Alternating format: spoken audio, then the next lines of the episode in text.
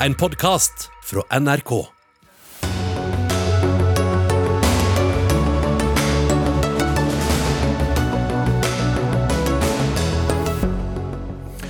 Bråket rundt en mulig oppsplitting av Kristiansand kommune tiltar i styrke. En rekke apetopper fra storbyene ber regjeringen stanse folkeavstemningen, men Arbeiderpartiets partisekretær sier den skal gjennomføres som planlagt.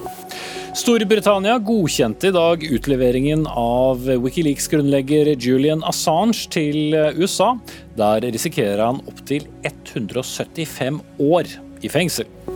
Venstre vil gjøre det lettere for voksne å få barn gjennom surrogati. AUF svarer at kvinner ikke skal være del av et marked. Og den planlagte heisingen av pride-flagget foran Stortinget i morgen vekker reaksjoner. Dette er en nasjonal regnebuevasking, ifølge DNs kommentator. Ja, dette er noe av menyen i fredagens Dagsnytt 18. Jeg heter Espen Aas. Vi starter eh, i litt andre farvann, bokstavelig talt. Det danske forsvaret hevder et russisk krigsskip har krenket dansk farvann. For klokken halv tre i natt skal en korvett ha krysset utenfor øya Bornholm i Det baltiske hav. Noen timer senere har det samme krigsskipet krysset det samme området. Det skjer samtidig som danske myndigheter er samlet på nettopp Bornholm. Joakim Reigstad, vår Norden-korrespondent med oss fra Stockholm. Hvordan reagerer danske myndigheter på disse opplysningene? Ja, det har vært med ganske stor grad av opprør. De har følt seg opprørt uh, igjen. Dette er jo ikke første gang det skjer. altså Danskene har jo opplevd at luftrommet har blitt krenket, og at farvann har blitt krenket tidligere. Utenriksminister Jeppe Kofot sa at dette er bølleoppførsel, mens unnskyld, forsvarsminister Morten Bødskov han kalte det for en krenkelse som var alvorlig, men at det ikke var noen trussel direkte mot Danmark, ei heller mot Bornholm, hvor det altså er folkemøte som man kaller det, det er det danske motsvaret til Arendalsuka i disse dager. Og Hva slags skip er dette, denne korvetten som er um, observert? Ja, Det er jo litt uh, uklart, fordi at uh, bruken av begrepet korvett er litt uh, ja, det er, ikke, det er, ikke, en helt klar definisjon på hva en korvett er. Men normalt sett så er dette et krigsskip som er noe mindre enn en fregatt. Et krigsskip som kan gå relativt raskt. Våre egne Skjold-klassekorvetter f.eks. kan gå opp mot 60 knopp, og de er veldig tungt utrustet vanligvis med våpen. Så har forsvarsministeren i Danmark ikke villet bekrefte om de har observert våpen om bord men forsvarseksperter er ganske tydelige på at disse fartøyene de seiler ikke uten å ha ganske betydelige våpenkapasiteter om bord. Utover det faktum at danske toppolitikere er samlet der de er, hva er det som gjør Bornholm eh, interessant for russerne? Ja, Bornholm er interessant av flere grunner. For det første så er det jo en av mange såkalte man kaller det litt på, på spøk hangarskip i Østersjøen. Altså øyer med viktig strategisk betydning. Man har jo også f.eks. Eh, Gotland, man har Åland litt lenger nord utenfor Stockholm her f.eks. Som er øyer som er viktig å ha kontroll på, sier lokale forsvarsmyndigheter her. Så ligger Bornholm også kun 400 km fra den russiske enklaven Kaliningrad. Eh, hvilket betyr at med utplassering av våpensystemer på Bornholm, så vil man være ganske nære eh, russisk territorium. så Derfor er også russerne veldig opptatt av dette. her, og Det kan jo også være en årsak til at de nærmer seg Bornholm, nettopp for å se hva eh, som rører seg på, på den øyen der. Hva skal i så fall til for at danskene skulle f.eks. tillate amerikanske styrker på Bornholm? Ja, Det har jo vært et uh, tema som har vært diskutert uh, faktisk tidligere. Uh, russerne hevder at det finnes en avtale tilbake fra etterkrigsårene, hvor Danmark gikk med på at Bornholm ble overgitt til de fra, fra, russerne som hadde tatt kontroll over den etter at tyskerne hadde kapitulert, og at det da var en avtale om at utenlandske styrker ikke skulle plasseres på Bornholm. Danskene har avvist dette, men samtidig har det ikke vært aktuelt å ha permanente styrker på Bornholm, f.eks. amerikanske styrker. Men det har opptil ganske nylig, for bare noen uker siden vært betydelig øvingsaktivitet med Nato-styrker i området rundt Bornholm, så det er en øy som absolutt er i fokus eh, forsvarsmessig i Østersjøregionen. Takk for den orienteringen, Norden-korrespondent eh, Joakim Reikstad.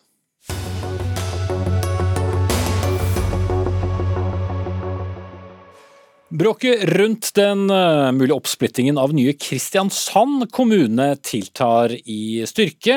Det ser jo ikke ut til uh, noen ende ta denne konflikten, for bare tre dager før statsminister Jonas Gahr Støre skal uh, besøke byen, så har altså sju profilerte Arbeiderpartitopper fra storbyene i morges gått imot sin egen regjering og partiledelse, og bedt om at den planlagte folkeavstemningen og oppsplittingen skal skrinlegges.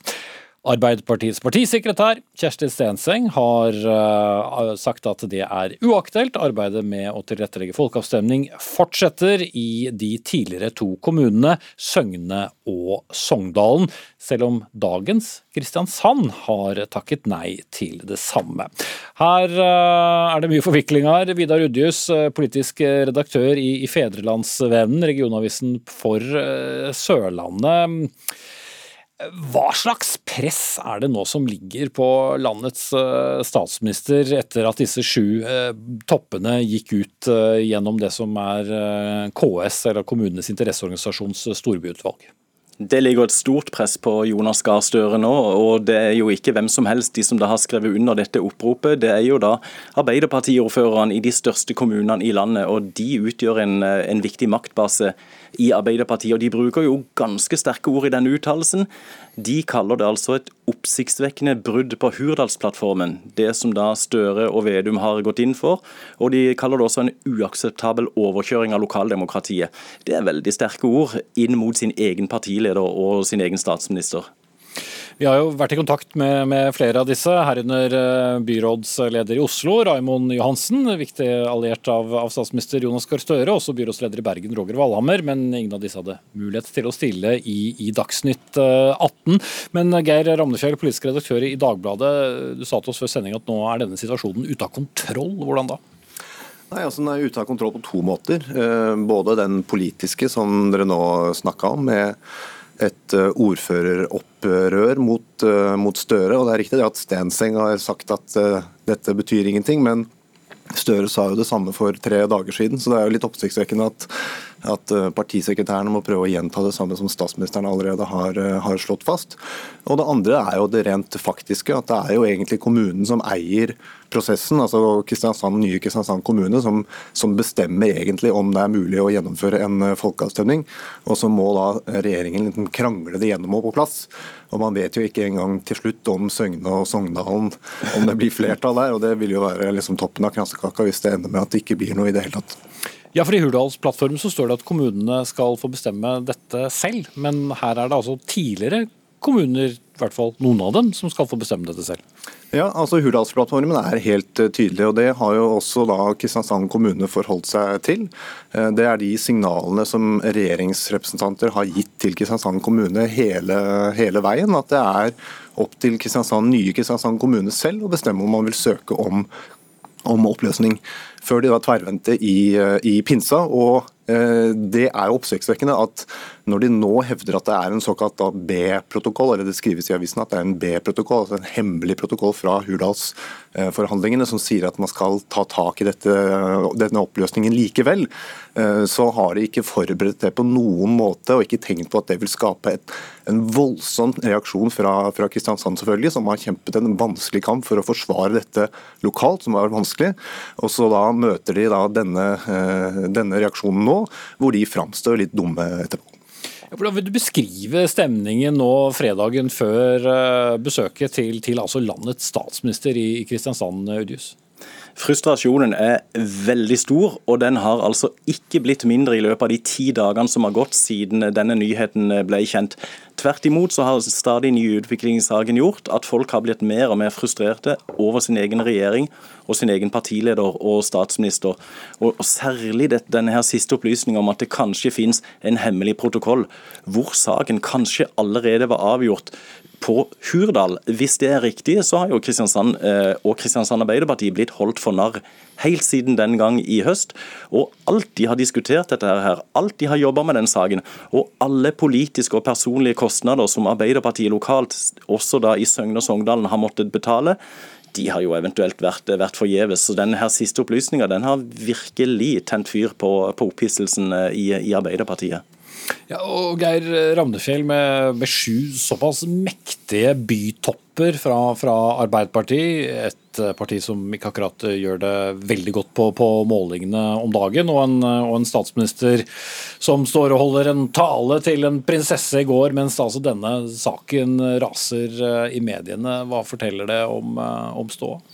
Nei, det er, ikke noe god, eh, det er ikke noe god posisjon for Arbeiderpartiet å være. Det er ganske åpenbart. Altså, når sju eh, så sentrale personer eh, fronter et, et, opprop som går direkte mot Støre og regjeringen i en veldig omdiskutert, vanskelig sak, så påfører det regjeringen stor, stor skade. og Dette er jo en sak som de drar med seg helt fram til kommunevalget kanskje neste år. Dette er jo en sak som det kommer til å være veldig vanskelig å løse lokalt. Eh, og det treffer på en måte Støre altså på det svakeste punktet. Han, han har en tendens til å framstå som en litt sånn eh, ja, en litt uklar leder, en leder som ikke har helt, eh, helt styr på og er på, altså, har problemer med å framstå som den, den største autoriteten. Og når han har da så mange som trekker i ulike retninger, han har ikke noe som backer seg i denne, i denne kampen, så, så er det en dårlig sak for regjeringen for Støre, og, og, men vil jeg også si for Senterpartiet. Ja, for det er forbausende stille, som du selv påpeker, fra, fra folk som uh, sier at uh, her, her uh, gjør Arbeiderpartiet det helt riktig, unntatt selvfølgelig Senterpartiet, da, som sitter i, i samme regjering. Ja, og, og, Senterpartiet har jo også en dårlig sak, for de har jo da Eh, også vært uklare overfor Kristiansand. Vedum har vært i direkte møte med ordføreren uten å selv ta opp eh, muligheten for at dette kunne, dette kunne snu nå i siste, siste, instans. Tidligere kommunalminister Gram fra, fra Senterpartiet var også eh, tydelig på å si overfor Fedrelandsvennen da denne saken var oppe i november i fjor, at dette her var det kommunen som måtte bestemme, kommunen som måtte eie. Så det er altså jeg, hvis jeg var Kristiansand, så ville jeg følt meg ganske godt i, i stikken i denne saken. Og Vidar Rudhus, eh, det blir jo et interessant eh, valg da for, eh, for de som holder til lokalt både i dagens Kristiansand kommune og det som kan være tilbake til, til gamle Kristiansand kommune dersom det blir en, en folkeavstemning som går i favør av oppsplitting? Det, det, blir, det, blir, en helt eh, surrealistisk situasjon hvis ikke denne saken er løst innen den tid. Og Bare tenk på den valgkampen som Arbeiderpartiet eventuelt skal inn i i Kristiansand. Hva skal de svare hvis velgere spør er dere for eller mot oppsplitting av Kristiansand kommune? ja, lokalt eh, mot, eh, men alle vet at det er det sentrale det som da eventuelt tvinger det gjennom. Men også i forhold til det Ramnefjell sier, dårlig sak for Senterpartiet. og Jeg har de siste par dagene snakka med flere lokale tillitsvalgte i ledelsen av Kristiansand Senterparti, og de er altså oppgitt over sin egen partiledelse, for de føler seg totalt overkjørt. De sier at vi er ikke spurt om hva vi mener om substansen i denne saken. Folkeavstemning, oppsplitting, der er det stor uenighet internt i Senterpartiet. Og de føler seg totalt overkjørt av Senterpartiledelsen når det gjelder prosessen her. De er ikke tatt med på råd, de er knapt nok informert, og de får knapt nok rede på når statsråder kommer og går til, til Sørlandet og statsråder, som da går rett til å besøke aksjonsgruppa ute i Søgne, som har drevet fram denne saken på imponerende vis. Men de lokale tillitsvalgte i Kristiansand Senterparti føler seg virkelig brukt som dørmatter av egen partiledelse. Ja, Du var inne på det at eh, det er ikke så mange som backer det. Det er jo kanskje noe med det at det er en sak som er litt sånn, ikke treffer tida så godt. Eh, det med sentralisering og eh, kommunesammenslåing var fjorårets store sak. Nå er jo de store utfordringene som preger det politiske bildet, det er dyrere priser, det er uro i verden. og Man skulle kanskje tenke at det var det som regjeringen ønsket å bruke politisk kapital og krefter på. Så dette framstår jo også som dårlig timing på alle mulige måter, og en rar sak å bruke så mye krefter på. Mm. Og mer blir det på, på mandag. Takk skal dere ha, Vidar Udjus, politisk redaktør i Fedrelandsvennen. Og akkurat nå Geir Ramnefjell, politisk redaktør i Dagbladet.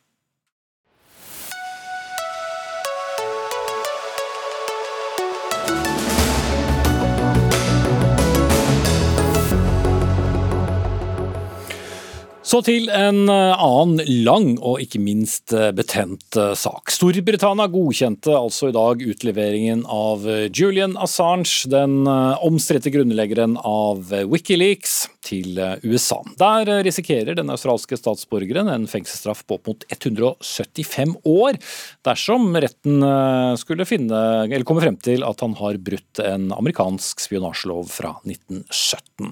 Som kjent har amerikanske myndigheter ønsket Assange utlevert gjennom lengre tid, etter at han var med på å lekke store mengder hemmeligstemplet dokumenter i 2010 som bl.a. førte til avsløringen av grove eh, krigsforbrytelser begått av allierte styrker i eh, Irak og Afghanistan. Og I London er du eh, korrespondent Gry Blekastad Almås. Utleveringen er kontroversiell, men hvordan begrunner britiske myndigheter den? Innenriksdepartementet viser til eh, rettsprosessen som har vært her. Eh, både, altså flere rettsinstanser har sett på hvorvidt det er eh, forsvarlig å utlevere Assange til USA, og kommet til at det er det. Han risikerer ikke dødsstraff eller en straff som går på helsa eller livet hans løs. Og det er det den britiske innenriksministeren i dag har undertegnet på basis av denne utleveringsbegjæringen, på bakgrunn av altså av at rett, retten ikke har funnet noe grunnlag for å nekte en slik utlevering, og hun har selv, ikke, selv heller ikke funnet eh, et slikt grunnlag. Assange eh, har jo da sittet eh, fengslet nå helt siden 2019, Gry. Hvorfor kommer avgjørelsen om utlevering nå? Det er fordi det har tatt sin tid å, å, gå igjennom hele rettssystemet. Den har jo vært helt oppe i Høyesterett, denne saken. Og den er nok heller ikke omme med den avgjørelsen som eh, innenriksminister Priti Patel har kommet med i dag. For eh, advokatene til Julian Assange de har varslet at de kommer til å anke. De har to uker på seg til å levere inn en anke. Og Så blir det spennende å se om det britiske rettssystemet vil eh, ta i saken igjen, på hvilket grunnlag det nå ankes, om det er et grunnlag som, som retten godkjenner. Ellers eller så er det jo også en mulighet at dette kan ankes til menneskerettighetsdomstolen i Strasbourg. Så det kommer nok til å komme flere runder i Assange-saken. Du blir med oss videre, Gry Blekkastad Almås, men Rune Ottosen, leder av Assange-utvalget i Norsk eh, Penn. Eh, det er jo en, eh, hva skal vi si, Han har jo en slags dobbeltrolle ut fra hvordan han blir sett på i forskjellige land som, som journalist, eller rett og slett da en, en forbryter og en, en, kjeltring. Hvordan kan han bli sett på med så forskjellig blikk? Jeg tror vi må gå tilbake til, til et sentralt punkt i tiltalen, nemlig publisering i 2010, hvor eh, Wikileaks samarbeidet med en rekke ledende nyhetsorganer som New York Times, El Pais, og hvor nettopp kjernen var disse eh, avsløringene av krigsforbrytelser. Og eh, det er jo det som er det tragiske nå i forhold til ytringsfrihetsblikket, da, at en som har bidratt til å publisere dette og gjøre dette kjent for verden, som ellers ikke ville hatt kunnskap om, og dermed på sett og vis bidrar til å forandre vårt syn på verdenshistorien, skal risikere 175 års fengsel. Tenk på det! 175 år for å avdekke sanne forhold. Og det er jo grunnen til at eh, de aller fleste ytringsfrihetsorganisasjoner og presseorganisasjoner er veldig mot den utleveringen. Og så er det den andre delen av ditt spørsmål, hvorfor møter han motstand? Eh, det er jo klart at uh, makten uh, liker ikke å bli sett i kortene, og at ikke av liker å ha sitt, sine hemmeligheter. og det er klart De blir jo stilt i et dårlig lys, og jeg tenker at det viktigste grunnen til til, eh, til, at de har valgt å kjøre dette, er rett og slett å skremme andre journalister fra å tenke på å gjøre noe lignende. For man kan jo bli skvetten av eh, de konsekvensene. Og da tenker jeg at eh, det er også publikums rett til å vite. Altså Hvis ikke man hadde fått avsløringene, hadde vi heller ikke visst. Men samtidig peker mange på eh, om han helt uh, forsto rekkevidden av hele materialet. For det var jo enorme mengder med informasjon som ble, ble pumpet ut. Og da har jo bl.a. britiske og amerikanske regjeringer eh, særlig pekt på at det satte liv i fare. fordi her var, det, her var, det, mye informasjon som aldri var ment for, for offentligheten. Ikke bare det som handlet om, om krigshandlinger. Ja, det er klart det er mye kontroversielt og, og ting å diskutere i forhold til hva skal man legge ut og ikke. Men de valgte jo da å publisere dokumentene som de var, og overlot til sine samarbeidspartnere den gangen, nemlig disse avisene, til å redigere og gjøre det på sin måte. Og de syntes jo dette var helt utmerket å få i sine hender. Og Da kan man jo stille spørsmål med hvordan ser de på dette nå?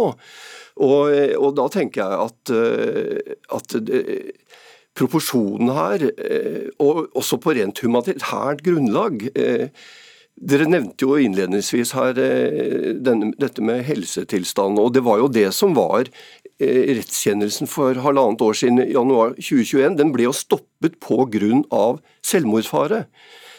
Og det er den vurderingen som har gått i ankesystemet nå. Og Nå kan, eh, nå kan eh, advokatene til Hazard Jeg har sagt de skal anke, og da kan jo sakens hele fulle bredde belyses også. Så dette kommer til å ta tid. Mm. Du har jo et par ganger nå nevnt en del av disse avisene som, som videre uh, formidler dette. Spiegel, Guardian, New York Times uh, og, og LPS. Hvor, hvorfor uh, er ikke de kommet på kant med f.eks. amerikanske og britiske myndigheter på samme måte som, som Assange selv? Det er jo de som har redigert og mangfoldiggjort mye av materialet, selv om det lå tilgjengelig. Dette er et meget relevant spørsmål. Og Obama Obama, under hans presidenttid, så var det jo slik at hans advokater advarte mot å starte denne prosessen nettopp fordi han da prinsipielt måtte gå ut der de andre som hadde publisert. Men det var jo Trump-administrasjonen som omgjorde dette og satte i gang eh, denne prosessen. Eh, vi runder av hos deg i London, Gry Blekasa Almås. Eh, hvordan eh, dekkes Assange-saken i britiske medier? Eller stille spørsmålet litt annerledes, ses Assange på helt med de samme øynene på de britiske øyer som f.eks. i Norge? Det er blitt påpekt at det, det gjør det ikke.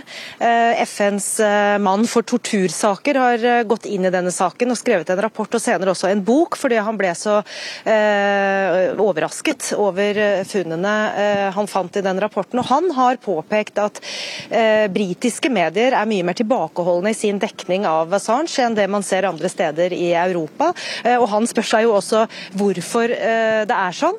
Det er det ikke noe tydelig klart svar på men eh, det er jo antydninger da, om at eh, også britisk presse er på en måte preget av eh, det sterke vennskapsforholdet som er mellom USA og Storbritannia. og Det som i hvert fall er Assange sine folks argumenter, er jo at de mener britisk rettssystem og også regjering mer eller mindre er i lomma på USA i denne saken. De har jo kalt dagen i dag for en svart dag for britisk demokrati og for pressefrihet. Og de har gått så langt som til å, å si at uh, innenriksminister Priti Patel er medsammensvoren i å gjøre journalistikk til en kriminell handling.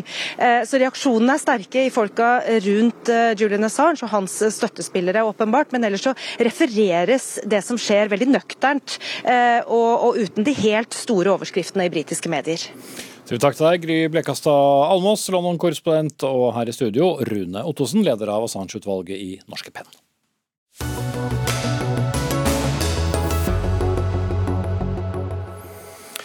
Også i dag aksjonerte snarere en håndfull klimaaktivister fra en gruppering med navnet Stopp oljeleitinga i trønderhovedstaden Trondheim. For å få frem budskapet sperret de sentrale veier midt i morgenrushet før det ble plukket opp av politi og bøtelagt. Men eh, bøter er tilsynelatende ikke nok for enkelte partier på Stortinget, eller et enkelt parti, nemlig Fremskrittspartiet. Fordi at noen av eh, aktivistene har utenlandsk statsborgerskap, bør de utvises fra Norge. Bård Hoksrud, du er stortingsrepresentant fra Frp.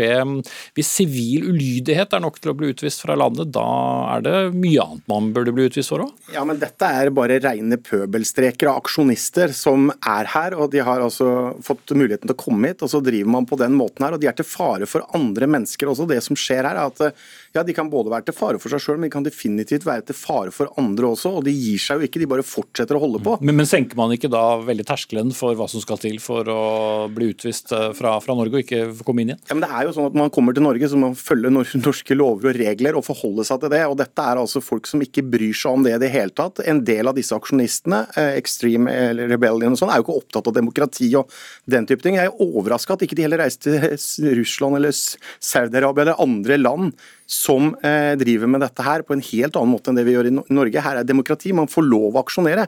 Men de driver altså med, med, med aksjonisme som er pøbelstreker, og som faktisk rammer og kan være fa til fare for andre og bilister og andre som eh, kan eh, faktisk kjøre på dem, og da måtte leve med det. Til, til, Trondheim nå, Ronja Therese Mylius, du er talsperson da for denne gruppen Stopp uh, oljeleitinga. Du mener utspillet som uh, Frp kom med i Dagbladet både er kjipt og, og, rasistisk, men det er jo sånn at hvis du er utenlandsk statsborger og bryter norsk lov, så kan du risikere å bli utvist? Dette er jo ikke folk som har kommet til Norge for å aksjonere. Dette er folk som bor i Trondheim, som studerer, jobber og har bodd her over lengre tid. Og Det er jo veldig viktig å presisere. Og så er det jo ikke sånn at Klimakrisa kommer til å være et nasjonalt problem, det kommer til å være et globalt problem. Som også de konsekvensene vi lager med oljeproduksjon, kommer til å påvirke dem i stor grad. Men de bryter altså fortsatt eh, lovverket og blir bøtelagt eh, som følge av eh, det. Så hvorfor skal man ikke statuere et eksempel? Jeg tenker at som du sier, det finnes veldig mange andre kriminelle handlinger som har ja, kanskje heller burde fokuseres på annet enn ytringsfriheten. Og det her er jo, som sagt, det er noen ting som kommer til å påvirke dem. Det med å fortsette med oljeleting kommer til å ha store konsekvenser også for dem, og jeg syns derfor de også bør få rett til å vise motstand mot det. Ja, men Det er ikke noe problem å få lov å vise motstand mot dette. her. Det kan bare ha en lovlig aksjon, og det er lovlig aksjon eller en lovlig demonstrasjon. Det er null problem. Vi er veldig opptatt av at man faktisk skal få muligheten til det. Men dette er rene pøbelstreker. Og det er altså folk som ikke bryr seg om å følge lover og regler. og de er her, og de, Når man er her, så skal man følge de lovene og reglene som er her. og Hvis man er fra et annet land, så må man, da er det altså sånn at da kan man bli kasta ut, og man kan få nekta innreise fordi man eh, driver på på en måte som er helt uakseptabelt her. sånn, og Det er jo det dette handler om. og jeg synes at Det er ikke kjipt i det hele tatt, men det handler faktisk om å være tydelig at ja, her er ytringsfriheten viktig. Det er lov å demonstrere, og det er lov å søke om å få lov å demonstrere. Men man skal ikke holde på med sånn pøbelstreker som jeg opplever at disse aksjonistene gjør. Og de rammer treperson. Det er helt uskyldige mennesker som blir ramma på en måte som gjør også at noen fort kan la seg provosere, og så eskalerer dette her. Og dette er som sagt helt uakseptabelt. Men øh, dere er jo kritiske til klimastreiker, bondeopprør, men dere har jo selv hatt både bompenge- og kjør sakte-aksjoner i regi av Fremskrittspartiet. Er ikke det også aksjoner som, som, går utover folk som absolutt ikke deler deres standpunkt? Jo, men da er det faktisk sånn at da er det søkt om å få lov til å drive med den aksjonsformen og gjøre disse aksjonene, eller å demonstrere. Og som sagt, det er jo null problem. Altså, det står folk på utsida av Stortinget nesten hver eneste dag og demonstrere for en eller annen sak. Du tror ikke at kjøresaktaksjoner har irritert noen som ikke var like opptatt jo, det, av bompenger? Det er helt sikkert noen som har latt seg irritere over det, men da har man søkt om det. Da har man bedt om tillatelse til å få lov å gjøre dette her. Og Det er jo det som er forskjellen her. Dette er folk som ikke bryr seg om norsk lov, ikke bryr seg om lovverker, og, og holder på med pøbelstreker. Jeg tror veldig mange er frustrerte av de som opplever, blir ramma, ikke kommer på jobb når de skal, ikke får levert barn i barnehage og på skole osv. Og, og det er jo det disse rammer. Det er helt uskyldige eh, mennesker, og de bare fortsetter å holde på og bryr seg ikke om de får bøter. Okay. Som hvis noen kjørte sakte foran, kanskje. Milius?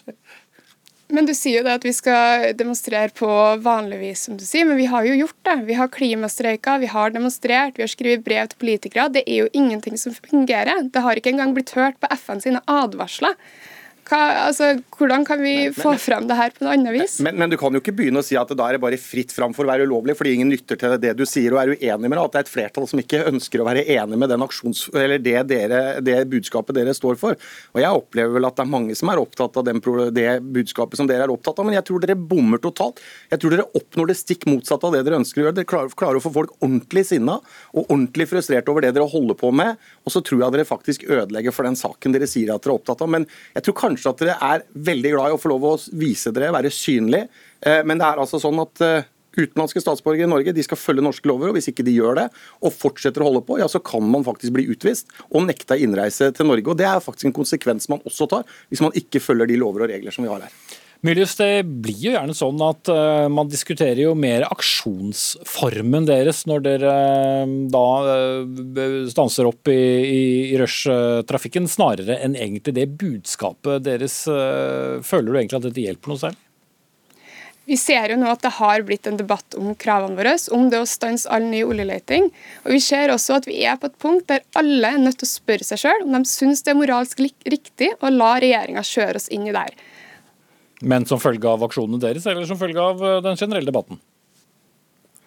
Eh, begge. Eh, vi ser jo også at av aksjonene våre så har det vært snakk om det her. Det har vært snakk om at kanskje er man uenig i taktikken, men man er enig i kravene.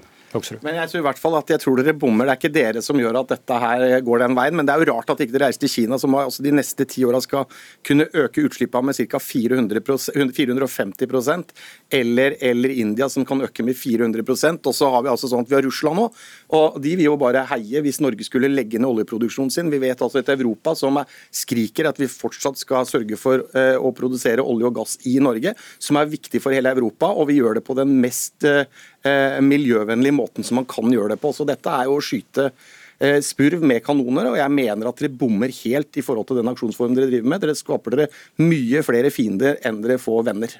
Men eh, hvis du skulle runde av eh, med litt åpenhet der, da, Bård Hoksrud. Hva er ditt motparts beste argument, hvis jeg skulle si at du må svare på det? Nei, jeg mener jo at det, og de, de, Jeg syns det er bra. De skal få lov å aksjonere. De kan gjerne stille opp for, på utsida av Stortinget eller andre steder, men søk om det sånn som alle andre, eh, de aller fleste andre gjør, og oppfør dere ordentlig. Da tror jeg faktisk at dere tjener saken deres mye bedre enn å holde på sånn som dere gjør.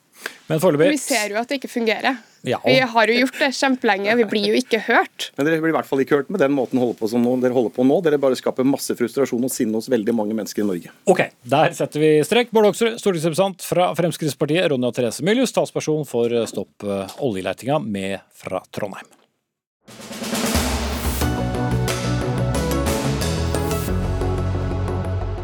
Senere i Dagsnytt 18, når du har om lag 80 000 abonnenter og redaktøren byttes ut med en kommunikasjonssjef fra eieren. Hva skjer da? Vel, det blir i hvert fall debatt i Dagsnytt 18 litt senere i sendingen.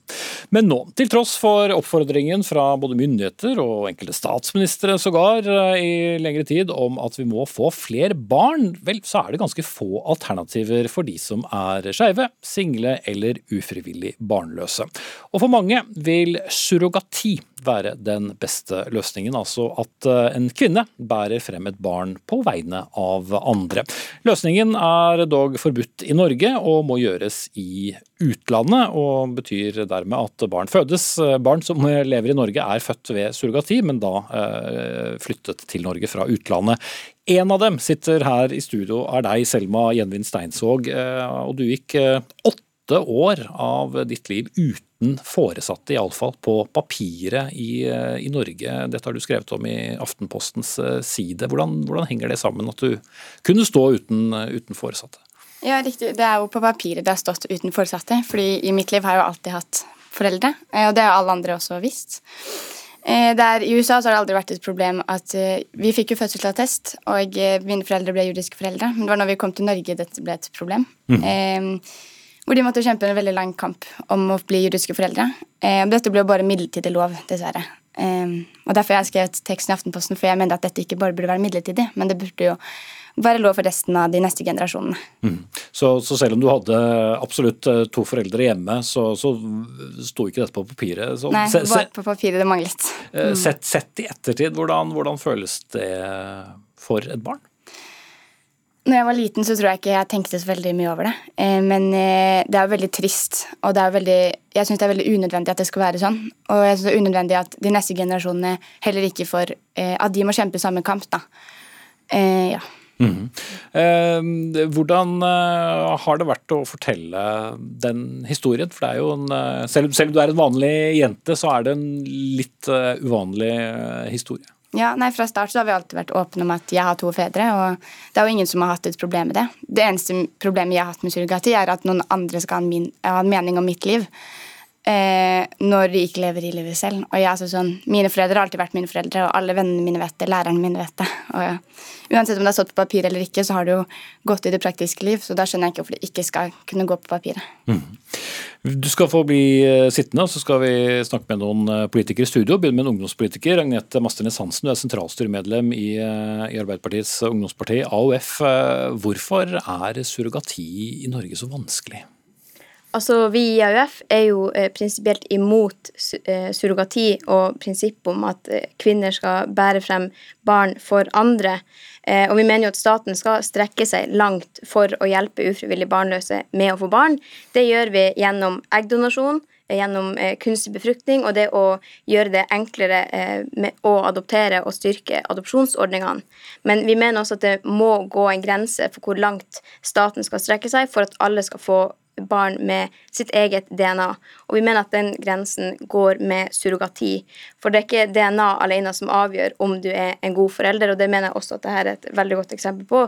At med adopsjon at du har um, at du har foreldre som ikke er dine biologiske foreldre, men likevel fullgode mm. foreldre. Mm. Men i og med at eh, det er jo ikke forbudt da å benytte seg av surrogati i utlandet, så får du jo da historier som, eh, som, som Selma, som da altså ikke har juridiske foreldre på, på papiret i Norge. Er det da likevel greit?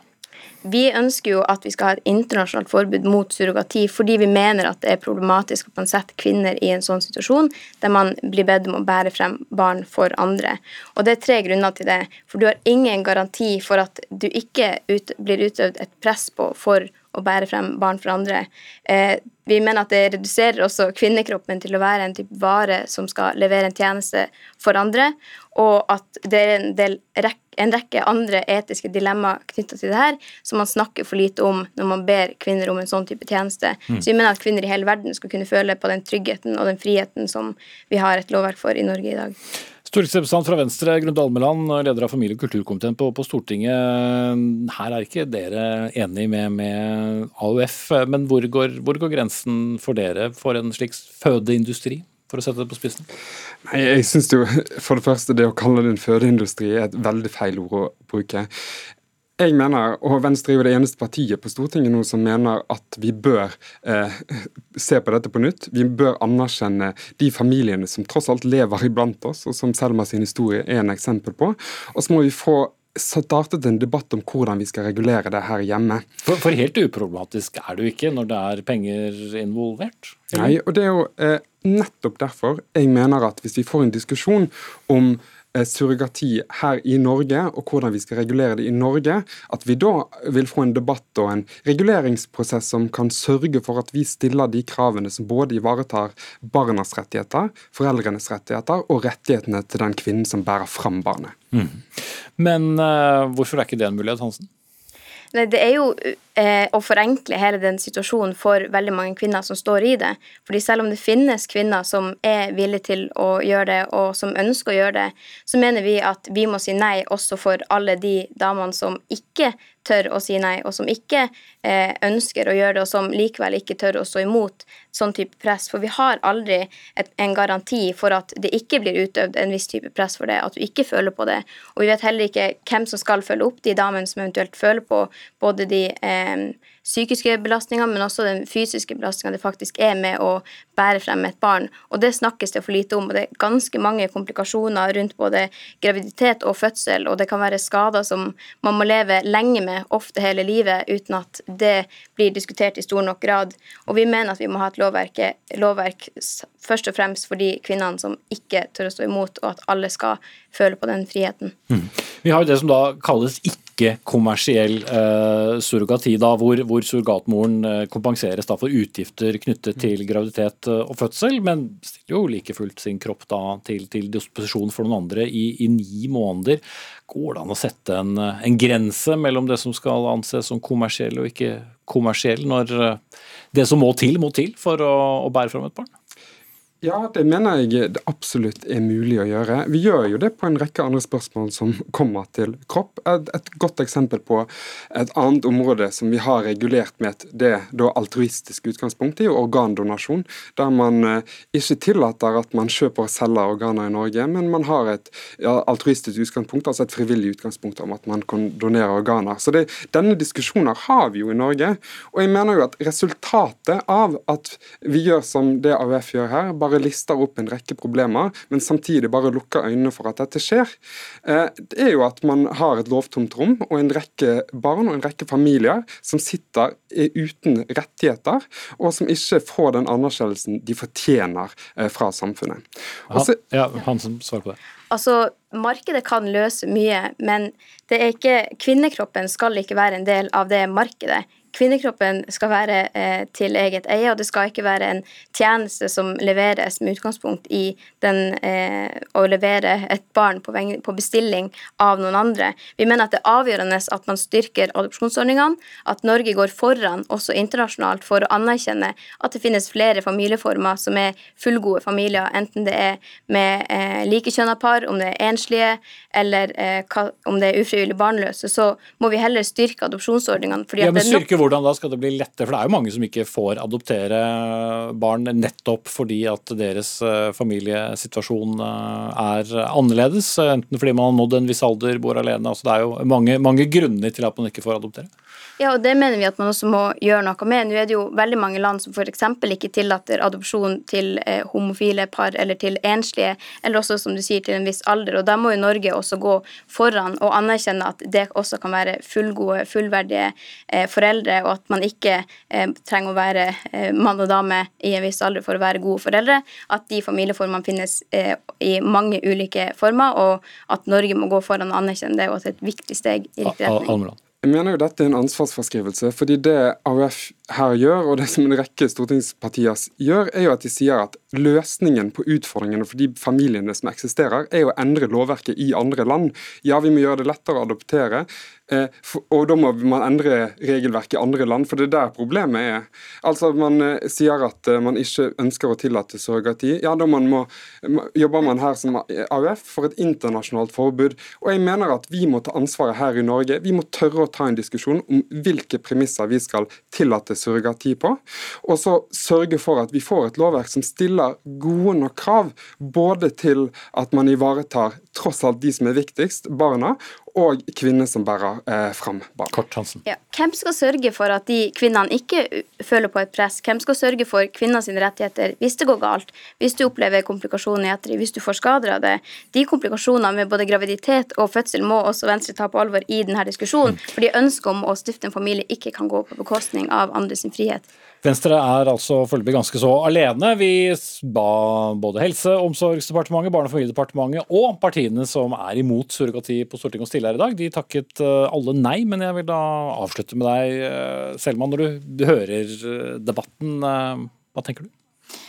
Jeg blir jo veldig trist av å høre på det, spesielt når regjeringen f.eks. sier da Erna Solberg sa i hennes nyttårstale at vi trenger flere barn i Norge, og likevel så står jeg uten, som, uten foreldre i hele åtte år. Og dette synes jeg er veldig motstridende. Eh, I tillegg til at i USA har de helt fint fått til eh, det at eh, surrogatmødrene har hatt det helt fint da med Og det har de helt fått til. Og hvorfor skal ikke vi få det til i Norge? Når de snakker om at Norge er et så fint land og vi klarer så mye. Da syns jeg vi skal klare dette også. Mm. Da ble det nikk fra den ene parten og litt stillere fra den andre. Takk skal du ha, Selma Gjenvin Steinsvåg, som eh, også selv eh, har blitt eh, født av surrogatmor. Og politikerne her i studio, som var Grunde Almran fra Venstre og Agnete Masternes Hansen fra AUF.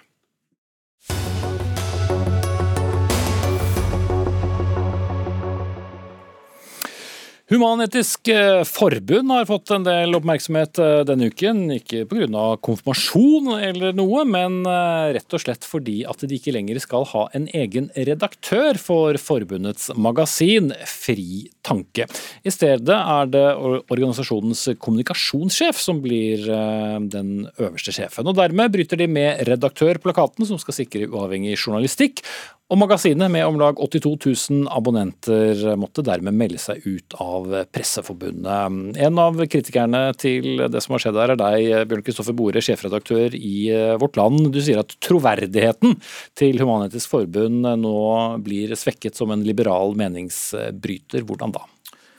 Det er jo mange årsaker til det. Eh, Human-Etisk Forbund har jo veldig stor gjennomslagskraft i offentligheten og i mediene og i norsk politikk, og ses jo på av mange som en målbærer av hva som skal være moderne og sentrale verdier i et liberalt samfunn. Og Når de nå sier at ja, det er ikke så farlig med pressefriheten, så sender jo det sikkert ganske ubevisst et helt feil signal. Men de sier vel ikke akkurat det at det ikke er farlig med pressefriheten? De, Nei, de foretar sier... en organisatorisk eh, endring? Ja, de sier jo at de ikke ønsker å ha det på hjemmebane.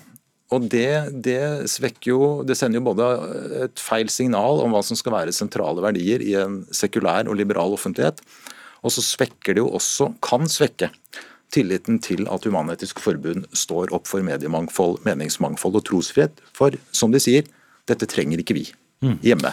Og, og... Ja, nå skal jeg slippe til Marte Øymoen, som er kommunikasjonssjef i Human-Etisk Forbund, og da også har fått eh, Fri Tanke, avisen i din portfølje. Gratulerer eh, med det. Men eh, dere sier at fokuset nå skal være sitat, enhetlig kommunikasjon. Hva betyr det? Her må vi jo begynne med å rydde opp litt, tenker jeg. Eh, sånn at vi har premissene og faktaene på plass her. For det første så er det jo sånn at vi ikke har besluttet at vi skal slutte å gi ut et produkt innenfor eh, under redaktørplakaten, eller ha en egen redaksjon.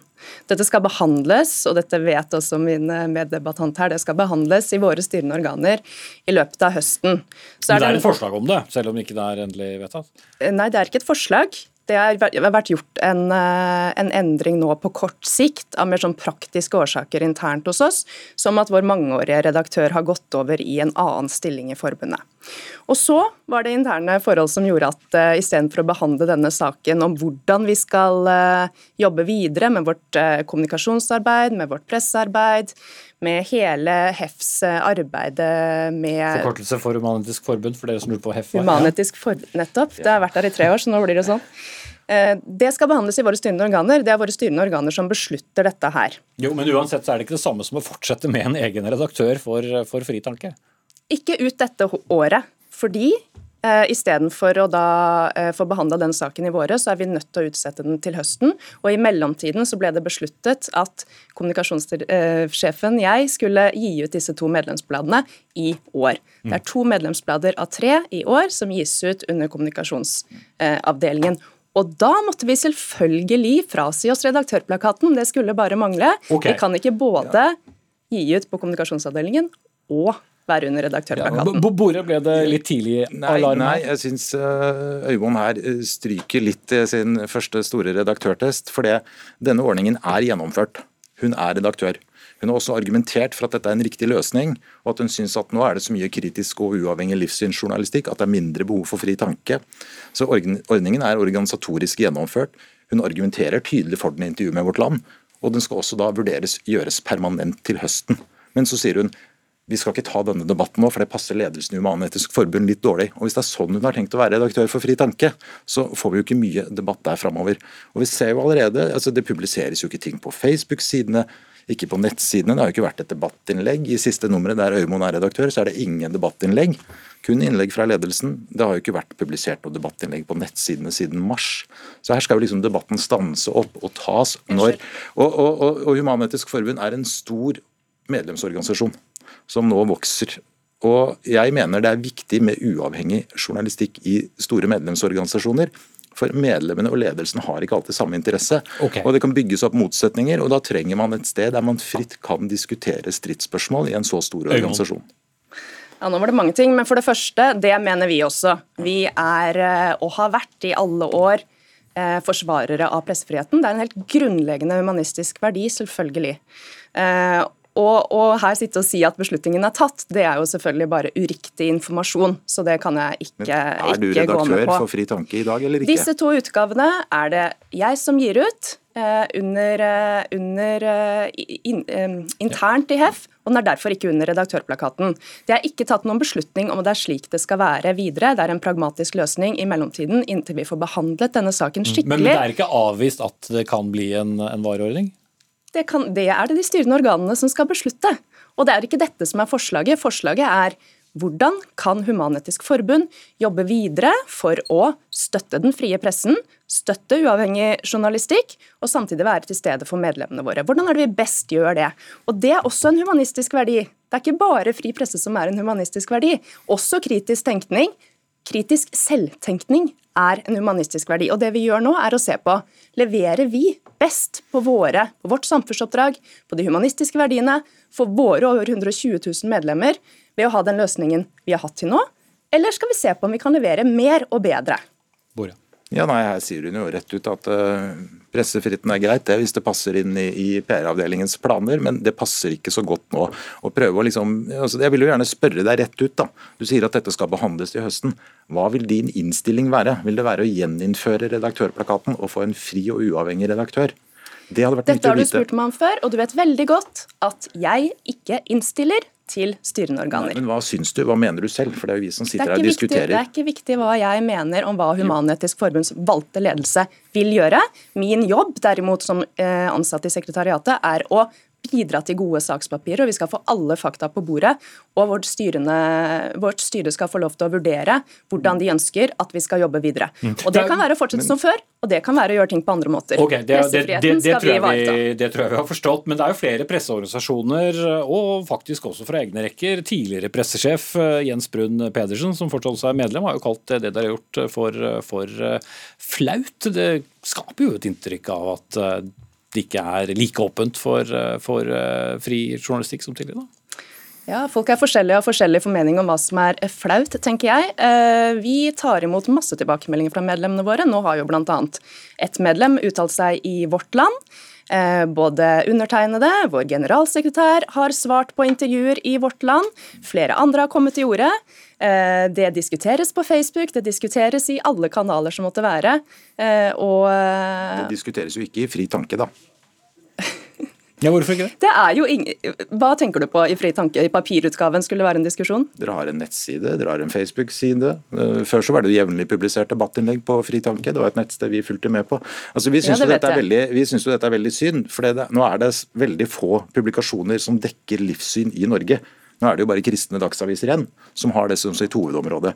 Vi i vårt land vi setter jo pris på meningsmangfold og motstand, og har jo alltid likt at det Fri tanke fantes der som en sånn sekulær opposisjon, da, hvis vi kan kalle det det. Og det faller okay. bort nå, og det syns vi er veldig synd. Den sekulære opposisjonen eh, var jo, var jo så vakkert sagt at de tre setter, setter strek. Bjørn Kristoffer Bore, sjefredaktør i Vårt Land, og Marit Øymoen, kommunikasjonssjef i HEF, eller Human-Etisk Forbund, om dere vil. Og så får vi se hvordan det hele ender når det er bestemt.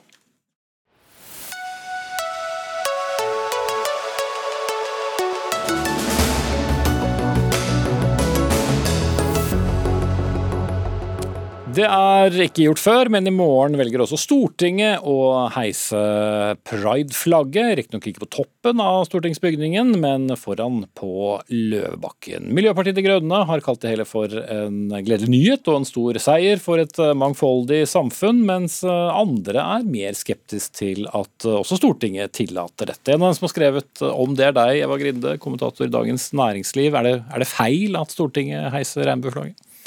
Ja, på mange måter så er det det. Og det er litt fordi Stortinget er eh, vår alles lovgivende forsamling, som, savner, som, samler alle partier og representerer hele befolkningen.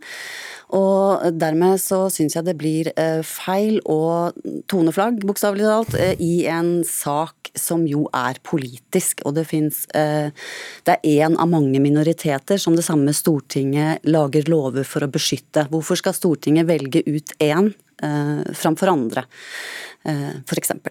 Og dessuten så er det også sånn at eh, pride er mer, oppfattes mer politisk eh, av, eh, av, andre. Altså det, for det, det er et symbol på mangfold og retten til å elske hvem man vil, og være den man er. Eh, men i tillegg så, så er det veldig mange som oppfatter det mer politisk, og det jo, står jo også ganske nært eh, organisasjonen FRI, som står for en del politiske synspunkter som er kontroversielle. Mm. Men, men, hvis stortingspolitikerne først og fremst mener at det er det første du nevner som er grunnen til, til å, å, heise flagget, er det da Stortingets skyld at noen andre kan oppfatte og lese noe annet inn i symbolikken i flagget? Det er ikke Stortingets skyld, men det er jo Stortinget som da overser at eh, det ble oppfattet på en, på en annen måte av, av, ganske mange. Man så det da man skulle endre flaggloven i 2021 f.eks. I høringsrunden så var det og Da var noe av begrunnelsen fordi kommunene ønsket å heise prideflagget, så var det veldig mye motstand blant, blant folk og organisasjoner, mens Stortinget, partiene på Stortinget stemte for. Alle bortsett fra ett parti. Kristoffer Robin Haug, for tiden stortingsrepresentant på Stortinget, vara for partileder eh, Une Bastholm. Er det sånn at Stortinget nå skal begynne å flagge for alle gode formål, eller er det bare noen minoriteter som det skal flagges for? Ja, eh, Stortinget flagger jo eh, for veldig mange formål. Senest på mandag så hadde vi jo det georgianske flagget oppe, fordi det var statsbesøk fra Georgia. Det er vel noe litt annet, eller? Eh, nei, vi flagger jo også den 23. mars, da det er Nordens dag. Så flagger vi med alle Nordens farger for å symbolisere samhold i Norden. Og jeg syns jo det at Stortinget markerer samhold i Norden er en flott sak. Eh, og så syns jeg det da er enda mer inkluderende om Stortinget symboliserer da eh, inkludering og, eh, og mangfold. Og, det er jo grunnen til at vi er så, har kjempet for det her i mange år, og at vi er såpass fornøyde i dag, er jo fordi at alle mennesker er forskjellige. Eh, vi, eh, vi elsker forskjellige mennesker. Vi uttrykker oss på forskjellig måte. Og så er det historisk sett så har da samfunnet, også da myndighetene, eh, sagt at noen mennesker er en spesiell gruppe. Dere er annerledes. Dere skal ikke få lov til å være sånn som dere er. Og så har man da systematisk diskriminert en gruppe mennesker. Hatt lover mot eh, homofili. Noen mennesker har til og med blitt eh, tvangssterilisert. Jo, det er jo, det er jo, historien, men det som jo mange gjør, er jo også å assosiere da pride-flagget da med organisasjonen FRI, som er en, en, pressgruppe med en del standpunkter som mange, ikke alle for all del, eh, synes er, er vanskelig. Er det helt ukontroversielt for deg som eh, er folkevalgt? Ja, det er jo vår intensjon, er å vise at i tidligere tider så har da myndighetene da diskriminert en bestemt gruppe. Da mener jeg det er på sin plass å tone flagg, som blir sagt her, og vise at de øverste myndighetene, lovgivende myndigheter i Norge, mener spørs, faktisk, Spørsmålet var til, tilknytningen til eh, en pressgruppe som, eh, som, FRI. Ja, Mange organisasjoner bruker jo regnbueflagget. Det er jo, som du var inne på tidligere, kan man legge mange forskjellige ting i det.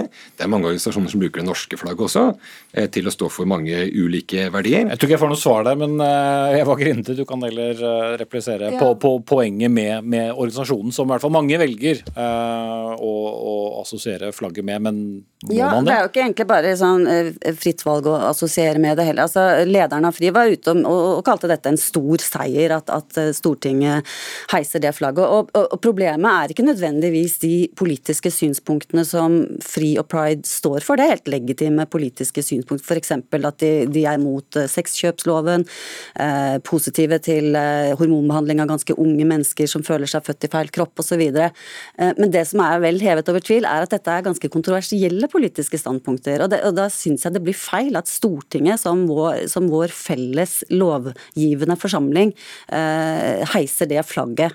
Da, da, da, da, jeg, da, melder det seg mange på som også bør få sitt flagg opp, som har hatt en historie med diskriminering osv.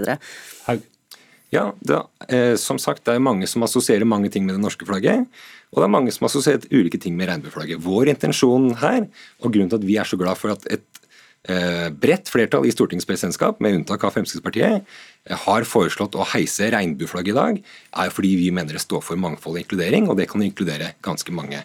Og så har vi jo da, I morgen kommer jo stolthetsparaden til å gå for da eh, rettighetene til de med funksjonsvarians. Og Jeg kommer til å se på regnbueflagget i morgen og tenke at dette her må jo også inspirere de som går i stolthetsparaden, og tenke at når Stortinget nå anerkjenner da skeives rettigheter og den historiske utviklingen som har vært, så er det også en sjanse for andre som kjemper lignende kamper. Og jeg vil si at Hvis man får i gang en så stor bevegelse som det Pride er, en så kraftig markering for andre grupper som faller utenfor, folk med funksjonsvarians, flyktninger osv., så, videre, så heiser jeg gjerne det flagget også. Det er ikke alle som har et flagg, dog? Grinde? Nei, nei, det er jo ikke alle som har et flagg. og jeg tenker at, at eh, altså Det norske flagget og Stortinget står jo for nettopp eh, kampen for, eh, for borgernes rettigheter. og det, det, det, har man jo kjempet igjen. Det, altså, det er en overordnet Det norske flagget står for alle disse gruppene. Man må ikke, altså Det blir veldig mange flagg som skal heises etter hvert. da. Grunnen til at eh, flagget heiser Det er jo et unntak, og det er fordi det er 50 år siden homofili ble nettopp da avkriminalisert. Eh, vil dere kjempe for at dette skal bli en årlig tradisjon? Ja, vi syns eh, på samme måte som hvert år så heiser vi Nordens flagg på Nordens dag for å feire nordisk samhold. Vi syns det er kjempeflott om vi hvert år kan markere inkludering og mangfold i Norge. Også fra Stortingets eh, Der flaggstang. kan det nok bli litt mer debatt. Det var jo en rekke barn som hevdet at alt ble bra under diverse regnbuer. Jeg er litt usikker om påstanden holder i denne sammenhengen, men vi får se. Kristoffer Robin Haug, for tiden stortingsrepresentant for MDG. Eva Grinde, kommentator i Dagens Næringsliv. Vi er ved veis ende. Gro Arneberg var vaktsjef. Lisbeth Seilereit tekniker. Jeg heter Espen Aas. Vi tar en fortjent eller ufortjent helg. Ses til uken.